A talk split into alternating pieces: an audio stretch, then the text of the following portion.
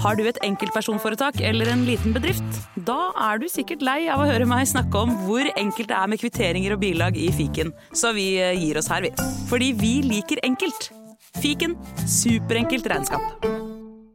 Sektoralarm presenterer Barn som lyver om nøkler. Men mamma, jeg var jo bare ute med Emma, ikke sant? og så la jeg nøklene mine sammen med den brødskiva på den stubben, ikke sant? og så kommer det en rev, og den bare spiser både brødskiva og nøklene, og så sprang den bare sånn kjempefort rett bortover. Jeg klarer ikke å løpe etter, jeg kan ikke løpe etter en rev, liksom. Kan ikke det. Akkurat nå har Sektoralarm kampanje på boligalarm og dørlås med kode istedenfor nøkler, slik at barna alltid kommer hjem til en trygg bolig. Les mer på sektoralarm.no.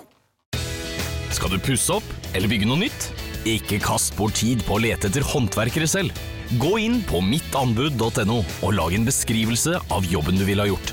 Så mottar du tilbud fra flere erfarne håndverkere som du kan sammenligne. Med mange tilbud er du sikrere på at du velger riktig bedrift, og at jobben blir skikkelig utført. Mittanbud.no få jobben gjort.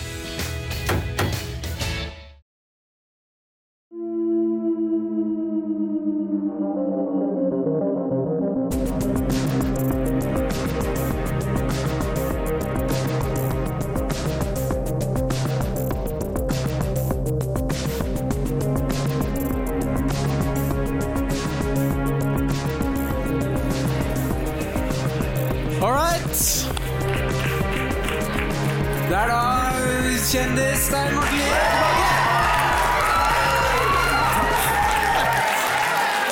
fått eh, rydda sofaen. Det betyr at vi er klar for vår neste gjest. Eh, skal vi se Han har blitt arrestert Nei, vent litt, da. Han har arrestert mange. Han har ligget og luska i busker rundt over hele Oslo. Og han har faktisk jakta på TV 2s eh, mest kjente sjakkekspert. Nemlig superspaner Jonny Brenna!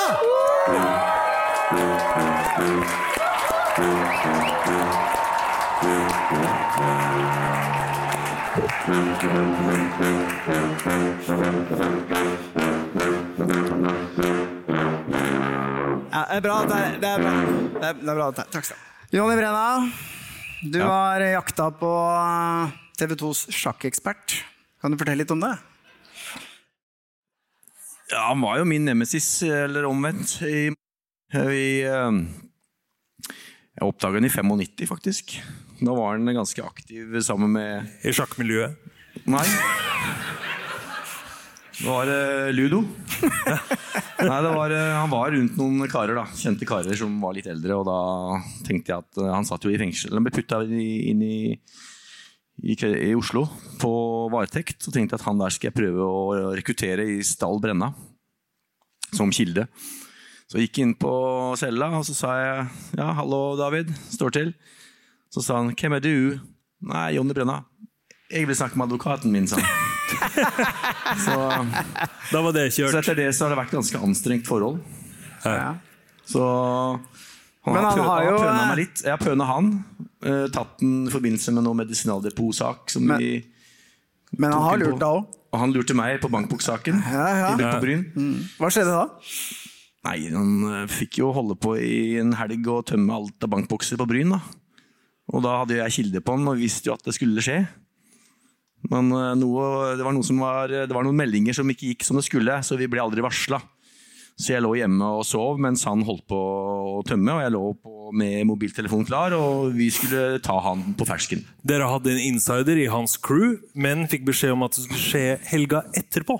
Ja, En av helgene var det. Så Ja. det var ja, det, var- det var var, en, mange- det var, det var, en, var en fæl sak. Ja. Hva, hvordan var det å våkne opp eh, mandag morgen og tenke at du hadde full kål på, eh, på sjakkeksperten, men så hadde de gjort det? Tømt alle Nei, jeg husker jo den telefonen, da. Hva er- var høstferien i 2000.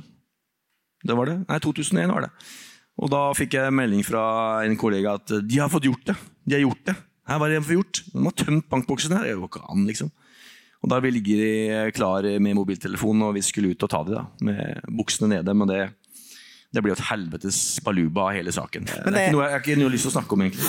Men det jeg, men det jeg reagerte litt på kanskje da denne sjakkeksperthistorien kom opp, det var at det var jo egentlig bare Nokas-ranet Han er liksom dømt for Nokas-ranet, har gjort opp for seg, men eh, det var vel mye mer enn Nokas-ranet. Og det var vel eh, mye mer penger som var borte, og han har aldri sagt noe om de tingene, har han det? da? Nei, altså jeg, altså jeg er jo sånn at eh, jeg tenker hvis David hadde Altså TV 2 kalte han for ekspert, det er der problemet var. Han, da, da får han en tittel som han ikke fortjener når det gjelder sjakk. Mesterhjernen fikk han i, i forbrytersammenheng, så det, det, at han sitter som en sjakk- sjakkekspert, det, det syns jeg var feil. da. Men som gjest, som TV 2 egentlig hadde tenkt å ha han, så, så hadde det vært helt greit. Så ja. Men uh, Tosca, han, eh, han bygget min karriere, så jeg skal takke ham for det. Fordi at uh, For jeg husker at jeg måtte i retten da, i forbindelse med disse her sakene her. Og da, han, og da satt det journalister der, og så sa de det at uh, Jonny Brenna, den verste pesten du kan komme ut for, han på bergensk. Og så sa han vi, kaller, vi kaller han for superspaneren. Oi, oi, oi. Og det er klart at uh, det ble skrevet da, i media av superspaneren. Og så like etterpå kom jo da Skrik-saken, hvor jeg var hovedvitne. Og da var jo superspanneren opp, og da fikk jeg jo den tittelen. Og da, det hjalp meg masse videre, så jeg skal takke Toska for at han hjalp meg på nye, nye spor i livet. Ja, og så er det jo sånn at I enhver historie så må jo helten ha en verdig motstander. Hvis ikke så blir det jo ikke noe spennende. Nei, så Superspaneren han, eh, han eh, fant sin eh, motstander i mesterhjernen. Ja. Eller sjakkekspert, da. Som han har tittel i dag. Men, men kan ikke du fortelle litt mer om politikarrieren din, Jonny? For du, du var jo en politimann som alle disse ranerne og det miljøet, de, de var jo redde for deg.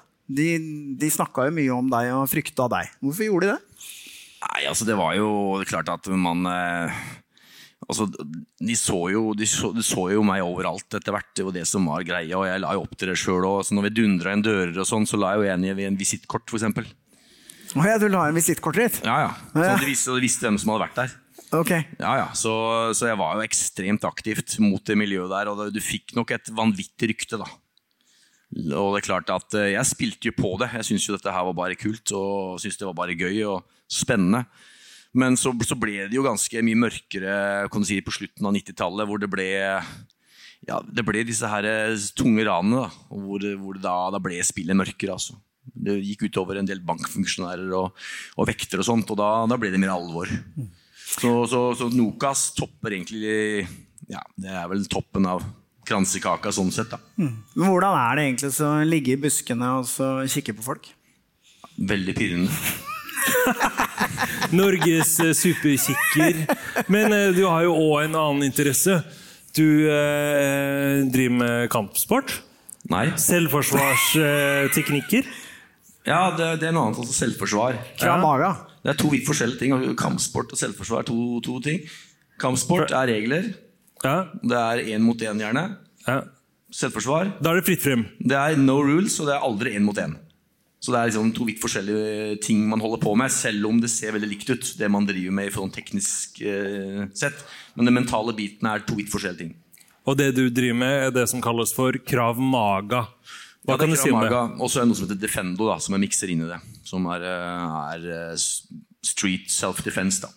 Men du har jo vært en, eh, litt i nyhetene og skrevet litt bøker og så videre om dette med selvforsvar. For du sier jo det at eh, gatene er jo kanskje ikke så trygge lenger. Man havner fort litt opp i farlige situasjoner. Hva gjør man hvis man f.eks. møter noen med kniv? Ja, Det må være god til å løpe. Ja, Det er min strategi òg. Så det er klart at uh, Det beste selvforsvaret du kan ha, er å løpe fort. Så løp, sprint 400 meter. Tren det. 400 meter det er nok. Da skal Ja, ja, jeg var 400-meterløper, og jeg vet at det er en ekstremt fin distanse til å ta igjen folk. Ja. Så, eh, så, så tenker jeg at det kan brukes på andre måter å løpe fra folk. Eh, Det beste fors- selvforsvaret er å unngå å komme i situasjonen og løpe. Kommer du ut for noe med kniv, så er du ille ute, faktisk. Men hvis du havner f.eks. i et håndgemeng, da, noen eh, går til angrep på deg, finnes det teknikker man kan lære seg for å eh, håndtere en sånn situasjon? Det er derfor man går på en, eh, en klubb, da, selvforsvarsklubb eller et kurs for å lære seg noe av de tingene her. Så det er klart at eh, Men det tar gjerne lang tid, altså. altså klart, det letteste er å lære å kunne slå, f.eks. Sparke, slå albue, kjøre knær. Bruke kroppen som et våpen. Begynne å gå inn i teknikker for å få kontroll på personer igjen. Det er, et helt annet lerret. Ok. Men vi har lagt ut noen uh, matter her, for vi tenkte at uh, det er veldig bra å sitte i stolen her og skryte av Jeg har tatt tre eh, Paracet. Jeg har- hvor jeg tatt- har tatt tre Paracet fordi at eh, jeg har et sånt der, Et eller annet baki der. Ja, det er sånn gamle folk får. Du har, eh, du har skrevet flere bøker om selvforsvar. Du holder kurs om det. Men eh, nå skal vi få se det live, og jeg er glad for å være en del av det. Vi har eh, hatt en liten prat her og funnet ut at den mest verdige motstanderen som du eh, kan ha i denne redaksjonen her, det er meg selv. Så nå skal du, Stein Morten, ta og slappe helt av, lene tilbake og nyte Men det du nå skal få se. Helge, Helge, Helge, Helge. Det, du husker ikke hvordan det gikk sist? Skal vi se på det? Jeg tror vi tar en liten titt på hvordan det gikk Ja, men vi trenger ikke å se på det.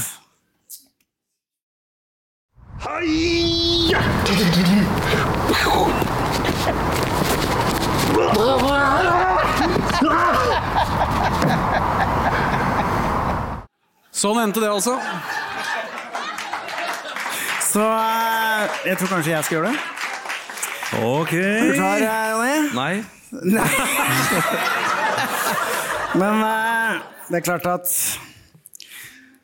hvis vi skal gjøre det her, så eh,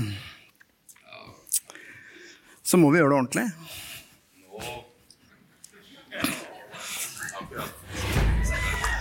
Da må Stein Morten kle av seg igjen. Stein Morten Lier er ikke en hvem som helst. Han eh, har trent judo i i hvert fall 30 år. 30 år. Så dette her blir en kamp på liv og død, Jonny. Og han er veldig glad i å ta av seg på overkroppen, så nå har han fått muligheten Det var han selv igjen. som insisterte på. Vi, vi sa at det holder å ta ned til skjorta, men eh, Right. Hva er det vi skal få se her nå, Jonny? Det er sånn klassisk ut på byen i, i, nede i Torgata en sen kveld etter klokka tolv. Det kommer sånn typisk sånn der dytt. Det er sånn dytt. Ja. Med to hender sånn der. Nå skal Stein Morten være en person som ypper og kommer med Slapp av dytt. du, da. Slapp av du, da, den jævla kuk. Ja, det sånn? Ok. Er du klar? Klokk... Sånn er jo gata. Du, den jævla kølle. Kom igjen, da. Ikke sant, nå er vi i gang her nede. Å, der går kjendisen rett i bakken med en gang! En uh, trippel, trippel, trippel. Du bare gir den inn der. Åssen går det? Det går bra. Ja, det, det går kjempebra. Det er ingen påkjenning i det. Hva, Får du en sjanse til? hva, hva, hva var det du gjorde her nå? Ja, han kommer med dytt. Han kommer med dytt, da. Og så andre dytten, så går jeg ut, tar den opp, kjører den tilbake, og så har vi den der. Der, ja. Få den ned. Sånn. Igjen. Det er bra. Hva sa du? Du trenger jo ikke å sparke Nei, det var Jonny! Ok, ok, ok, ok. ok. Nå Ok, nå Her kommer optimisten. Det er rart det er krig i verden.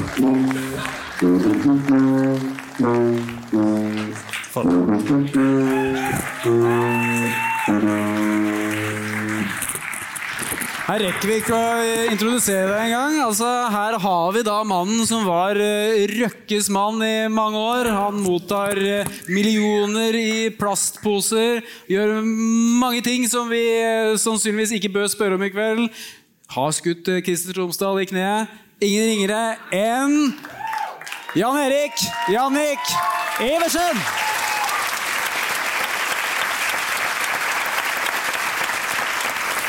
Velkommen, eh, Jannik. Men jeg vil bare si en uh, Velkommen, Jannik. Men uh, Jon, jeg vil bare si en ting. At uh, to ganger nå så lurte klokka mi på om jeg skulle ringe ambulanse. Jeg tror det var lurt at du kom og redda Stein Morten her nå. Jannik, eh, det er sikkert mange som har hørt podkastserien Torpedoen og milliardæren. Og du er jo den såkalte torpedoen. Og milliardæren, det veit vi jo hvem er. Det er jo Røkke. Det var Tromsdalen. Ja, det Nei, ikke Tromsdal. Men dette er jo en veldig eh, lang historie som har strukket seg over veldig mange år. Og eh, det startet jo med at du faktisk hevder da, at du fikk i oppdrag å kvitte deg med Christer Tromsdal. Og så fikk du penger for det i plastposer.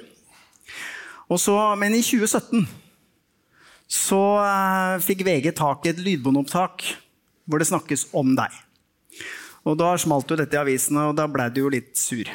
Du syns ikke noe særlig om det. Hva gjorde du da? Nei, jeg prøvde jo å få kontakt med begge de to som, som, de, som hadde det livbåndet. Og for meg så hadde ikke jeg noe med mellommannen å gjøre. For meg var det Røkke jeg hadde noe med å gjøre. Og når Røkke da bruker mitt navn som tredjeperson i en samtale med en annen person, så har han gått over streken. Ok, Så det var det du mente var feil her, at han hadde snakket om deg. Ja. Ja. Og øh, hva, hvordan skulle det løses opp i det, da? Nei, Vi prøvde å løse det opp med advokatene, men det funka jo ikke. Så jeg tenkte jeg måtte ta skjeen i egen hånd. Og det gjorde jeg jo. Og dro ut på Fornebu der og traff den i garasjen. Og hadde en gutteprat med ham der og da. Det er en gutteprat. Hva, hva, hva, vil det si? Hva, vil- hva vil det si at man har en gutteprat? En gutteprat er jo at vi snakker om å finne en løsning på den situasjonen som har oppstått. Som han er skyld i, ikke jeg. Hva, hva betyr det for din del, eh, ordet løsning? Hva, hva betyr det egentlig? Løsningen den, den jeg dro opp til Jakob Brygge den gangen, det var for at vi skulle snakke sammen om hva han hadde uttalt seg i media, som hadde gått ut som min familie og meg. Det var ikke noe snakk om noe annet den gangen. Nei, så Du eh, hevder jo da at du ville jo bare rett og slett ha en prat med han og prøve å få en forklaring på hvorfor han hadde snakka om deg, og det hadde havna i VG. Er det sånn? Fy faen, Emilie, du det er deilig å sitte her nede i røykegarasjen, jo. Vi må jo regne med at vi, skjer vi må grave litt i dette her, for det er jo en alvorlig eh, sak. Du er jo dømt i denne saken her. Men, men eh, du reiste ut eh, flere ganger. To ganger. To ganger. Og hvorfor dro du ut den andre gangen? For da hadde jo han Etter det første møtet vi hadde på, på kontoret hos Ellen, da, så var det jo at han ville komme med løsning. Og møte nummer to, så ville han jo ta opp samtalen vår, som han skulle bruke den for seg selv. Og når han da kommer inn der og setter seg ned og drar fram et sånt A4-ark og en, en kulepenn, som jeg veit er sånn avlyttingspenn, så, så tenker jeg hva faen er det han holder på med nå? Og da sitter jeg bare og venter og hører på hvilken, hvilken er det første spørsmålet han vil stille meg. Og så sier han Jannik, ja, jeg ba ikke deg om å skyte Tromsdalen. ok. Ikke sant? For her, eh, alt, alt skuddet med Tromsdal har skjedd, og nå ønsker Røkke å sikre seg bevis for at han ikke har hatt noe med dette å gjøre. Så han inviterer til et møte og har eh, en penn som en opptaker, og så da tar han en sjanse, da. Og sier at eh, 'jeg har ikke bedt deg om å gjøre det her'. Ja, han sier svarer jeg du da? ba ikke deg om å, kjøre, å skyte Tromsdalen. Så tenkte jeg i meg stille i mitt sinn, så sier jeg nei, Kjell Inge Røkke. Du ba meg ikke om å skyte Tromsdalen. Du ba meg om å fjerne den. Og da blei han helt utafor. Jonny, hva betyr det å fjerne noen? Nei, det er vel fra jordens overflate. Ingen kommentar. Nei, men, eh, men eh, det er klart at det, det, dette endte jo i en bil på Frogner hvor du skjøt Tromsdal i kne. eh, og fikk penger for det. Hvor mye penger fikk du igjen? Ingen kommentar? Kom igjen nå. Ja, Vi havna i hvert fall på 12-13 millioner i cash. Så du, du fikk jo relativt mye penger. Uh, Nei, jeg skulle ha 100, så jeg vil ikke si at jeg fikk mye, da. Nei.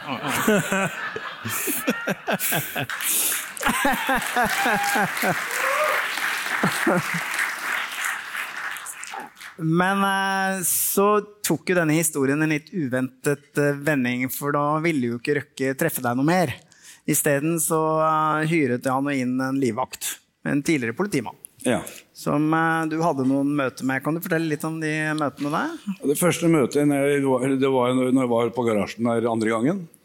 Jeg, den, gang- den tida røyka jeg jo, og det var jo litt klamt å sitte inn i den garasjen her òg, i bilen. Og det var grisekaldt, så jeg kjørte bilen ut. Og så på andre sida var det sånn rundkjøring, så jeg hadde full kontroll på hvilken bil som kjørte ut og hvem som kjørte inn. Og så plutselig kom det en bil på sida av meg.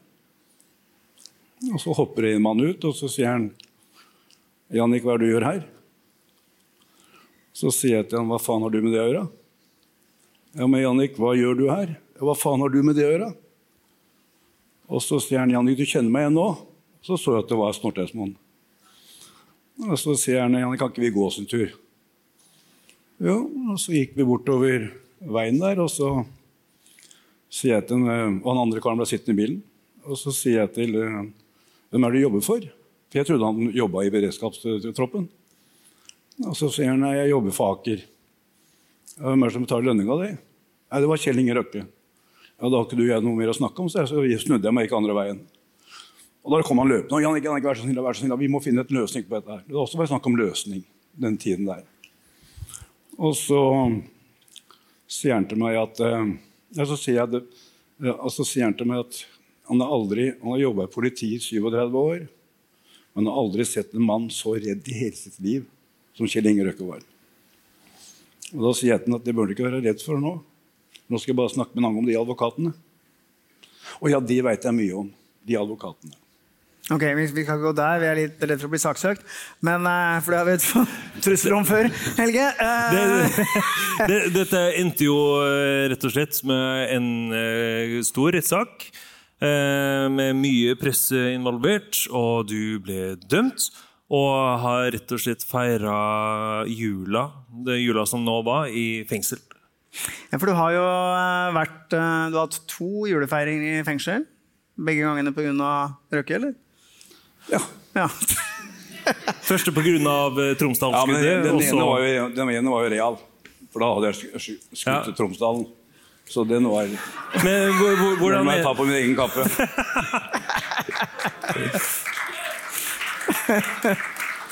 men hvordan er det å feire jul i fengsel, da? Ja, du kan si at Når du først er innsatt, og du skal, du skal sone, og du soner i den juletiden, da, så må du stå inne for det. Det hjelper ikke å sutre og, og klage. Men det som er vondt, det er når du etter å ha spist middag og vært sammen med gutta, og du kommer på rommet og du har fått gaver hjemmefra med brev fra barnebarn og de tingene der, det, det kjenner man. Det, er bare ferdig snakka. Og så må livet gå videre etter den når julaften er ferdig. Men er det Gjør, man, liksom, gjør de noe spesielt stas under julefeiringen, eller er det liksom bare som vanlig? Er det Det er elendig mat. Det er ribbe som, du må, som blir som tyggis. Det er eh, katastrofe. Fjordland. Ja, du må ha egen kokk, og det hadde jeg. Men du, hadde, Du jo hadde egen egen kokk, kokk, ja. Ja. Fortell om det. Hvordan får man egen kokk i fengselet? Nei, Du må bare finne han beste til å lage mat, og så må du stå for innkjøpet. Og så lager han maten, så deler man det man eter. Og så Du bare litt... forteller at nå er du min kokk? Det er litt sånn Hellstrøm-aktig Nei, du går litt rolig. Du viser litt ydmykhet først, og skryter av maten når han lager den først. Nei. Og, å ja. Det er ikke bare bare. Du smigrer litt. Hæ? Du smigrer litt. Oi, oi, oi. Ja, ja. Men uh, Jannik, nå så har vi snakka mye om uh, saken din, og vi har ikke egentlig i podkasten snakka så mye om gamle dager. Men eh, vi så jo på den videoen eh, på starten her at eh, du kasta Jonny bak i bagasjerommet. Da er jeg litt sånn nysgjerrig på hvor, eh, hvor mange er det som har vært bak i bagasjerommet ditt egentlig opp gjennom åra? Ja, de har jeg doktorgrad i. Hvor mange har du Hvor- eh, funnet i bagasjerom, eh, Jonny? Ingen kommentar. Jeg har vært med på et par saker her hvor det har, vi henta ut noen folk som eh, Ikke mine. var veldig glade når vi kom. Men eh, ikke, ikke mine, sier du, Jannik. Hvordan kan du vite det? Hæ? Hvordan kan du vite at Nei, det ikke ikke- er ikke- folk? vært og henta meg. Jonny har aldri vært og henta meg. Nei, nei, men han, kan, han har funnet folka dine i bilen? Nei, jeg, tror, jeg tror ikke Jonny har funnet mine folk i bilen. Nei, for de eksisterer ikke lenger. Men da lurer jeg jo fælt på Eller, ikke. Stryk! Eh, Vi klipper ut den. Vi klipp, klipper ut den, Lars. Men uh, har du slutta å putte folk i bagasjerommet? Har du slutta å putte folk Ja, men i nå har verden bagasjerommet? blitt sånn at nå må du ha elbil. Og da har du ikke sant? Du skal først spane på dem, og så skal du følge dem. Og når du har født dem på bagasjerommet, så har du ikke mer på bilen å gå. Så det er jo Det går jo ikke. Det er ikke mer strøm igjen.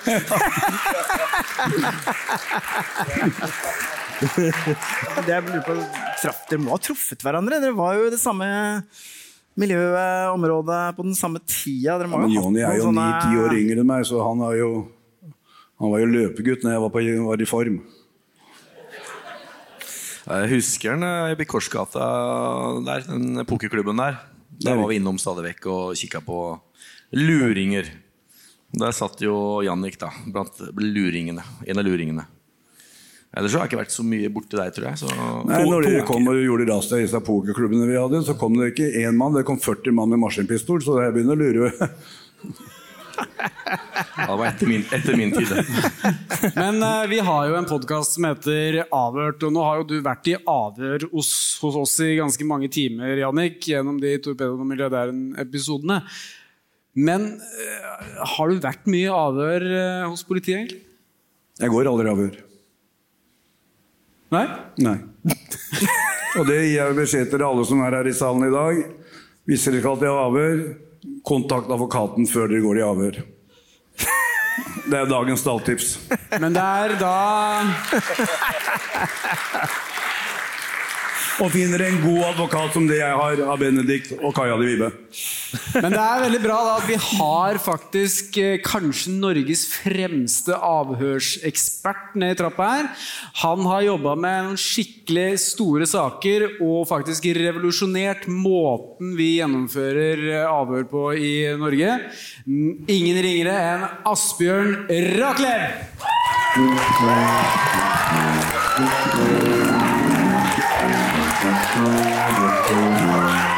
Vi bare tar sofaen litt lenger. Bare sofaen litt lenger. Dette, dette ble smooth. Jeg trodde dette skulle gå sånn veldig kjapt. eh, her eh. Mens Rakelev kom opp på scenen. Ok, det var jo litt av en uh, introduksjon, uh, Asbjørn. Um, Takk, takk. du har jo uh, hatt en lang karriere i politiet. Jeg holder her. Meteren, liksom. Men nå, det må jo påpekes her at vi har jo funnet den minste sofaen vi fant. Eh, og Jannik, hvordan, hvordan kjenner du på det her å sitte midt mellom to politifolk? Ja, nå føler jeg meg fantastisk trygg. Det er litt som å sitte bak i en, eh, en politibil, eller? Jeg skjønner at jeg sitter foran, jeg. Ja. Men, eh, men du har hatt en lang karriere i politiet. Du eh, har vært eh, aspiranten til Jonny Brenna.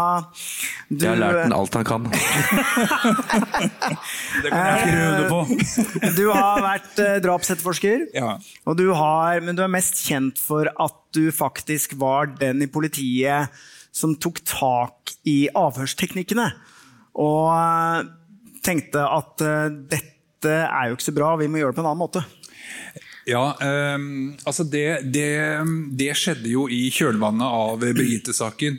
Ehm, altså da, da fetteren til Birgitte eh, ble utsatt for den type avhørskultur og metodikk som jeg og Jonny um, ja, lærte av faren din, da, for å si det sånn.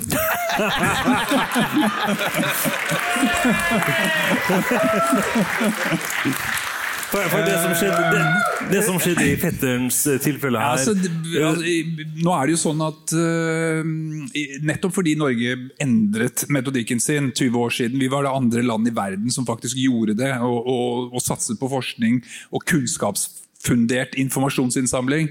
Og måtte ta da, et oppgjør med den type kultur som, som, som var i Norge, og som egentlig er i resten av verden fortsatt. Um, så når jeg reiser rundt, enten det er i, FN eller i Kina eller Indonesia eller um, Vietnam, uh, Brasil Vi reiser mye nå fordi uh, det fins ikke kunnskap om kommunikasjonsteorier osv. Men jeg pleier å starte forele forelesningene mine med følgende innledning Like most detectives around the world. I was taught to believe that once we had a suspect, it was my job to get him to confess. Ja, men vi hadde jo pågrepet den. Var jo bare få det ut av. Så han må jo ha vært skyldig. Så Men, ja, ellers hadde vi ikke pågrepet den. Du skulle bare ha en bekreftelse. Ja. Ja.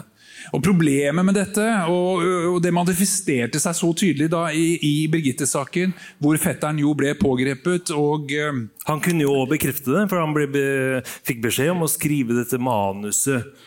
Ja da. Eh, mine kolleger ved Kripos var jo vel vitende om at eh, det de hadde av bevis, eh, kom aldri til å holde til noen domfellelse, så de var nødt til å få ham til å tilstå. Og Da satt, da satt de vår beste mann på, på, på saken. Og han var kjent for å hva var det, altså selge sand i Sahara. ikke sant? Og Så startet manipulasjonen. Um, og vi lærte ulike triks. Uh, Hent han ut av varetektsfengsel før de serverer mat i fengsel, sånn at du kan gi ham maten. ikke sant? Og Fremstille deg som mistenktes beste venn. Ha en, uh, ha en tørkerull liggende på kontoret. sånn Hvis du ser han sliter, så rekker du han omtenksomt denne tørkerullen. Og med det understreke den medmenneskeligheten du kan altså, Det er bare altså, det er manipulasjon med ett mål for øye å få vedkommende til å tilstå. Um, og det høres kanskje ikke så skummelt ut, men, men, men det er flere, flere, problemer med det. For det første uh, så er det jo slik at uh, I doktoravhandlingen min om justisfeil, altså hva er det som går galt når det går galt med politiets etterforskning, så ser vi i alle saker vi undersøker, ikke bare i Norge, men, på verdensbasis, så er det det at politiet får bekreftelsesfeller. Altså vi får tunnelsyn. Uh, og, og, og, og da skjer det u bevisste, med kognitive med tankeprosesser. Vi starter å søke utelukkende etter informasjon som bekrefter vår oppfatning av verden, eh, hvordan den henger sammen. Slik er alle mennesker. Og, Problemet da med en tilståelsesfokusert avhørsmetodikk er at du kaster jo bare bensin på bålet. Eh, ikke sant? Fordi at du leter etter bekreftelser. Eh, så Det er det ene. Faren for at politiet går seg blind. Det andre er jo at det vi vet nå, gjennom altså smertefulle saker i Norge, men altså Internasjonalt så er jo ikke Karmøy-saken Birgitte-saken unik, snarere tvert imot. Falske tilståelser skjer, og ikke minst kombinasjon da med, med, isolasjon og varetekt. Det skjer noe med mennesket når du sitter eh, to, tre, fire, fem uker, og så to måneder. Altså, det, du begynner å, du, I verste fall kan du begynne å tvile på ditt eget minne. Du begynner å drømme at du kanskje er gjerningsmannen. Eh, og det var det som skjedde med fetteren. Ehm, men heldigvis, han trakk jo tilståelsen ganske raskt og sa at jeg har ikke gjort det. Men han ble jo dømt i første instans på den tilståelsen som vi manipulerte ut av han. Eh, heldigvis så anket jo fetteren, og, og, i ankeforhandlingen så brakte altså forsvareren hans inn eh, verdens ledende eh, forsker innenfor politiavhør, eh, vitnepsykologi, eh, avhørsmetodikk. Um, og Professor Gisle Gudundsson han leste jo saken, han intervjuet fetteren, han intervjuet kollegaene mine og stilte seg opp i uh, lagmannsretten og kom med knusende kritikk mot norsk politi.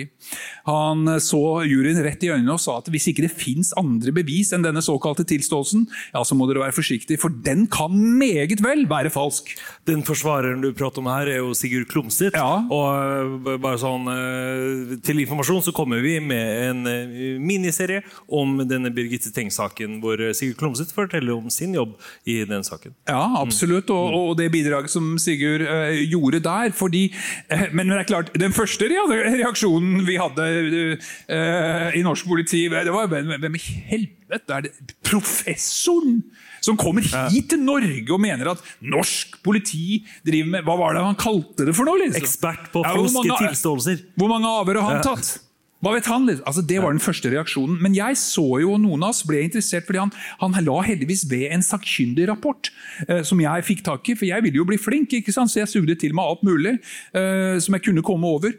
Og der så jeg at Gudjonsson altså, eh, refererte til bøker, vitenskapelige bøker, til, tids, til, til, til studier om politiavhøret som jeg aldri hadde hørt om. Jeg visste ikke at den kunnskapen eksisterte.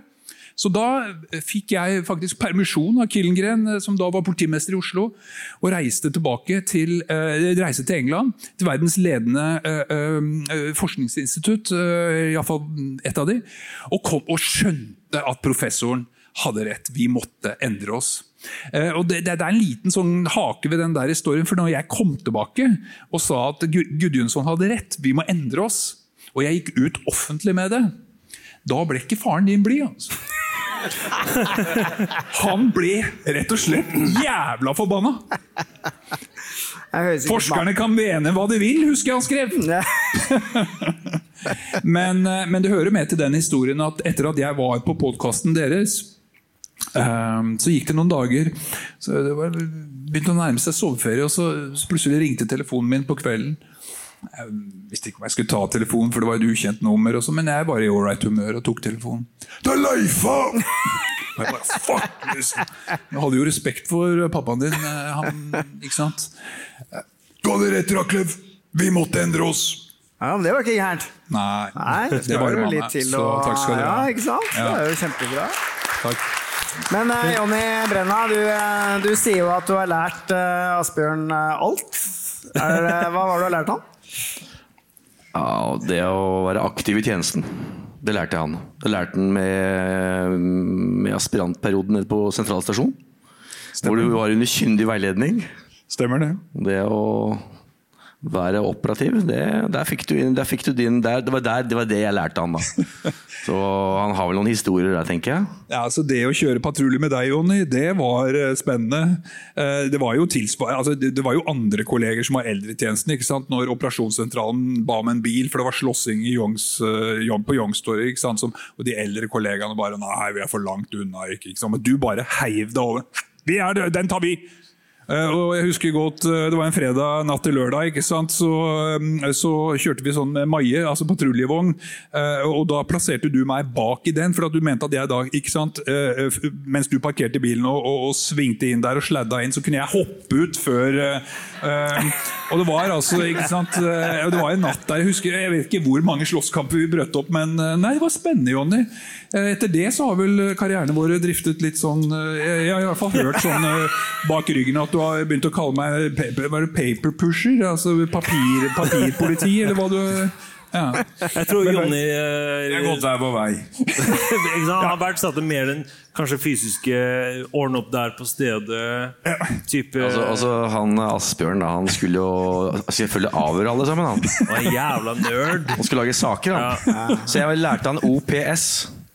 Oppgjort på stedet. Apropos, apropos det, så har jeg et lite klipp jeg tenkte vi skulle se her, eh, Asbjørn. Fordi dette her skulle jo være et juleshow. Uh, og hjemme hos oss så har vi en litt sånn annerledes tradisjon når det kommer til dette her med å se på sånn ah, julekalender på TV fram til uh, jul. Vi ser på TV-serien 24. Det er 24 episoder som vi da ser uh, fram til jul, og der har vi det jeg anser som kanskje verdens fremste avhørsekspert, eh, Jack Bauer, i hovedrollen. Og For å gi et lite eh, innblikk i hva vi skal se her, så har eh, CTU, Counter Terrorist Unit Los Angeles, fakka en mistenkt terrorist. Og de klarer ikke å få ham til å snakke, så Jack Bauer tar saken i egne hender. Sorry, sir, this area's off limits. Oh, I'm, I'm looking for Aaron Driscoll.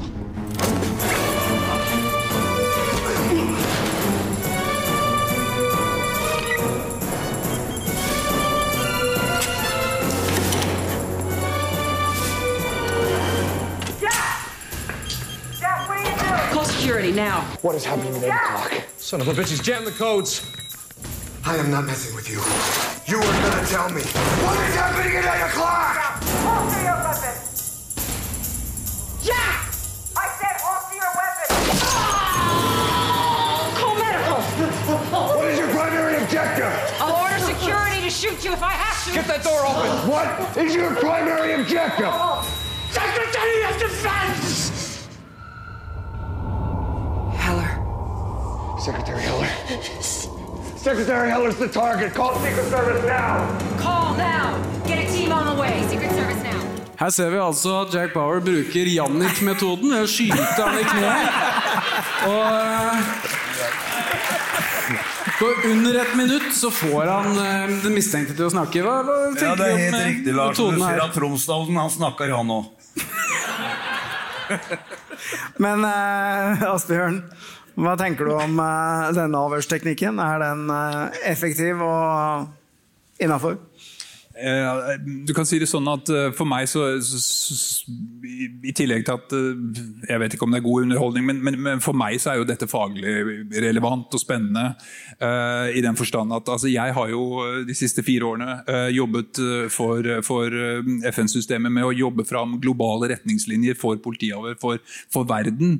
Um, og Der har jeg annet sittet i styringsgruppen sammen med Mark Fallon, som, som var den uh, som hadde ansvaret for avhørene på Guantánamo Bay um, etter 9-11, før CIA kom inn og startet å torturere uh, fangene på Guantánamo. Uh, Mark Fallon sa jo ifra uh, til sine myndigheter at dette er galskap, eh, vi, kan ikke drive med tortur, men da ble han bare skviset ut. Altså Dette vi ser her, um, eh, altså det er altså um, For det første eh, så er det jo slik at eh, det er lite effektivt, fordi den informasjonen som kommer her eh,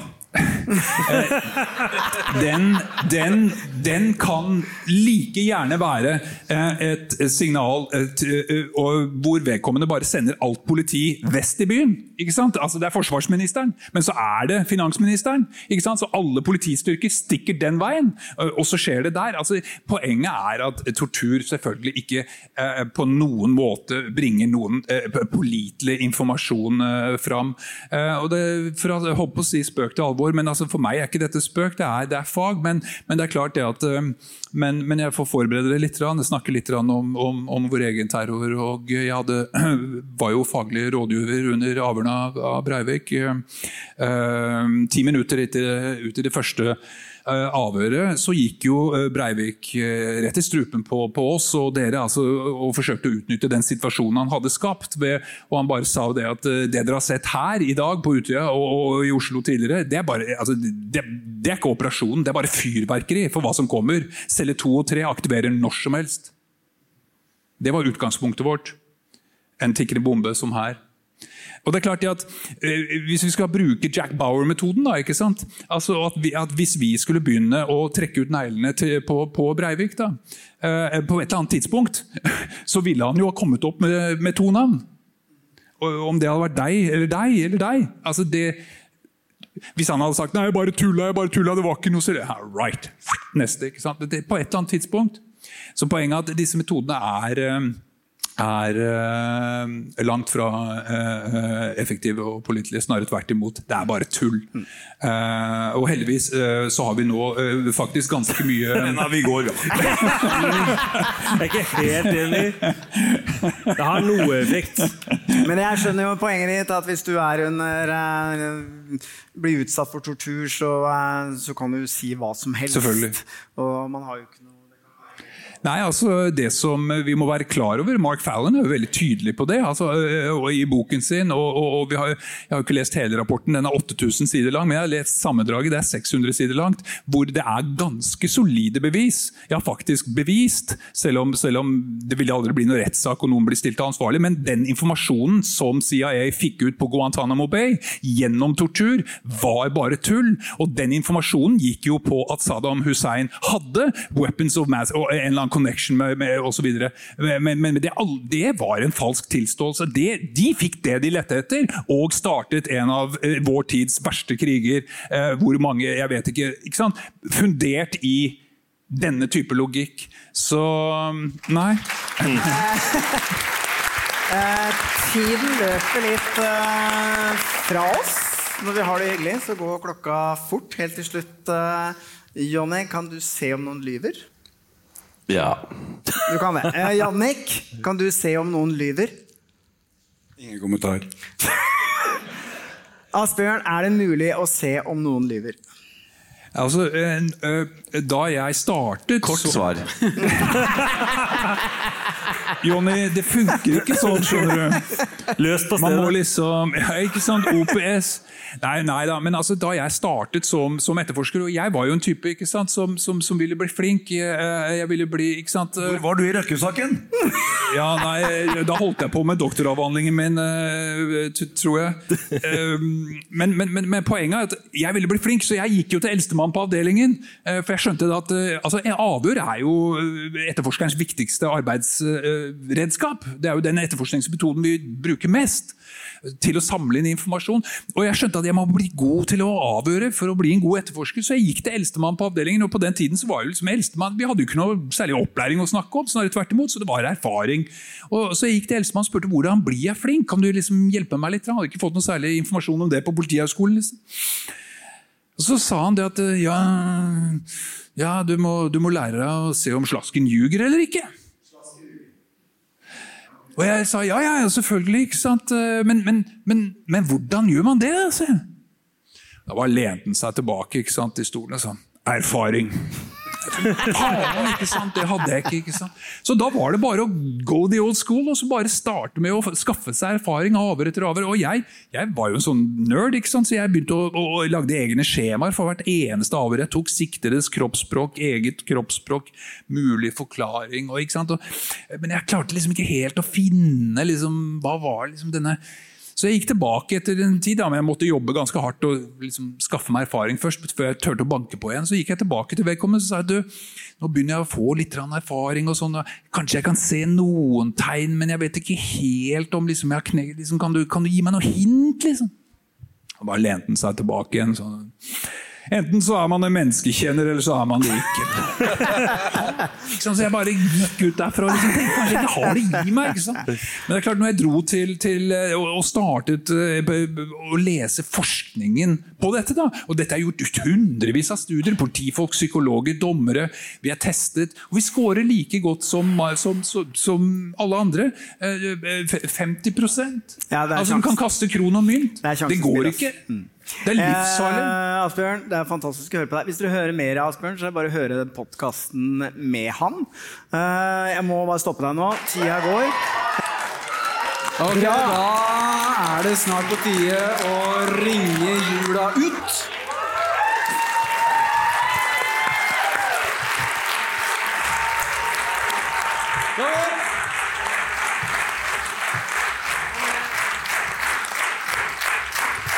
Igjen, gutter! Alright. Hvis dere ikke ble lei nå, så er vi tilbake 5. april med et påskeshow. Billettene er lagt ut i dag, så, de forrige gikk veldig fort, så løp og kjøp! Den funker ikke!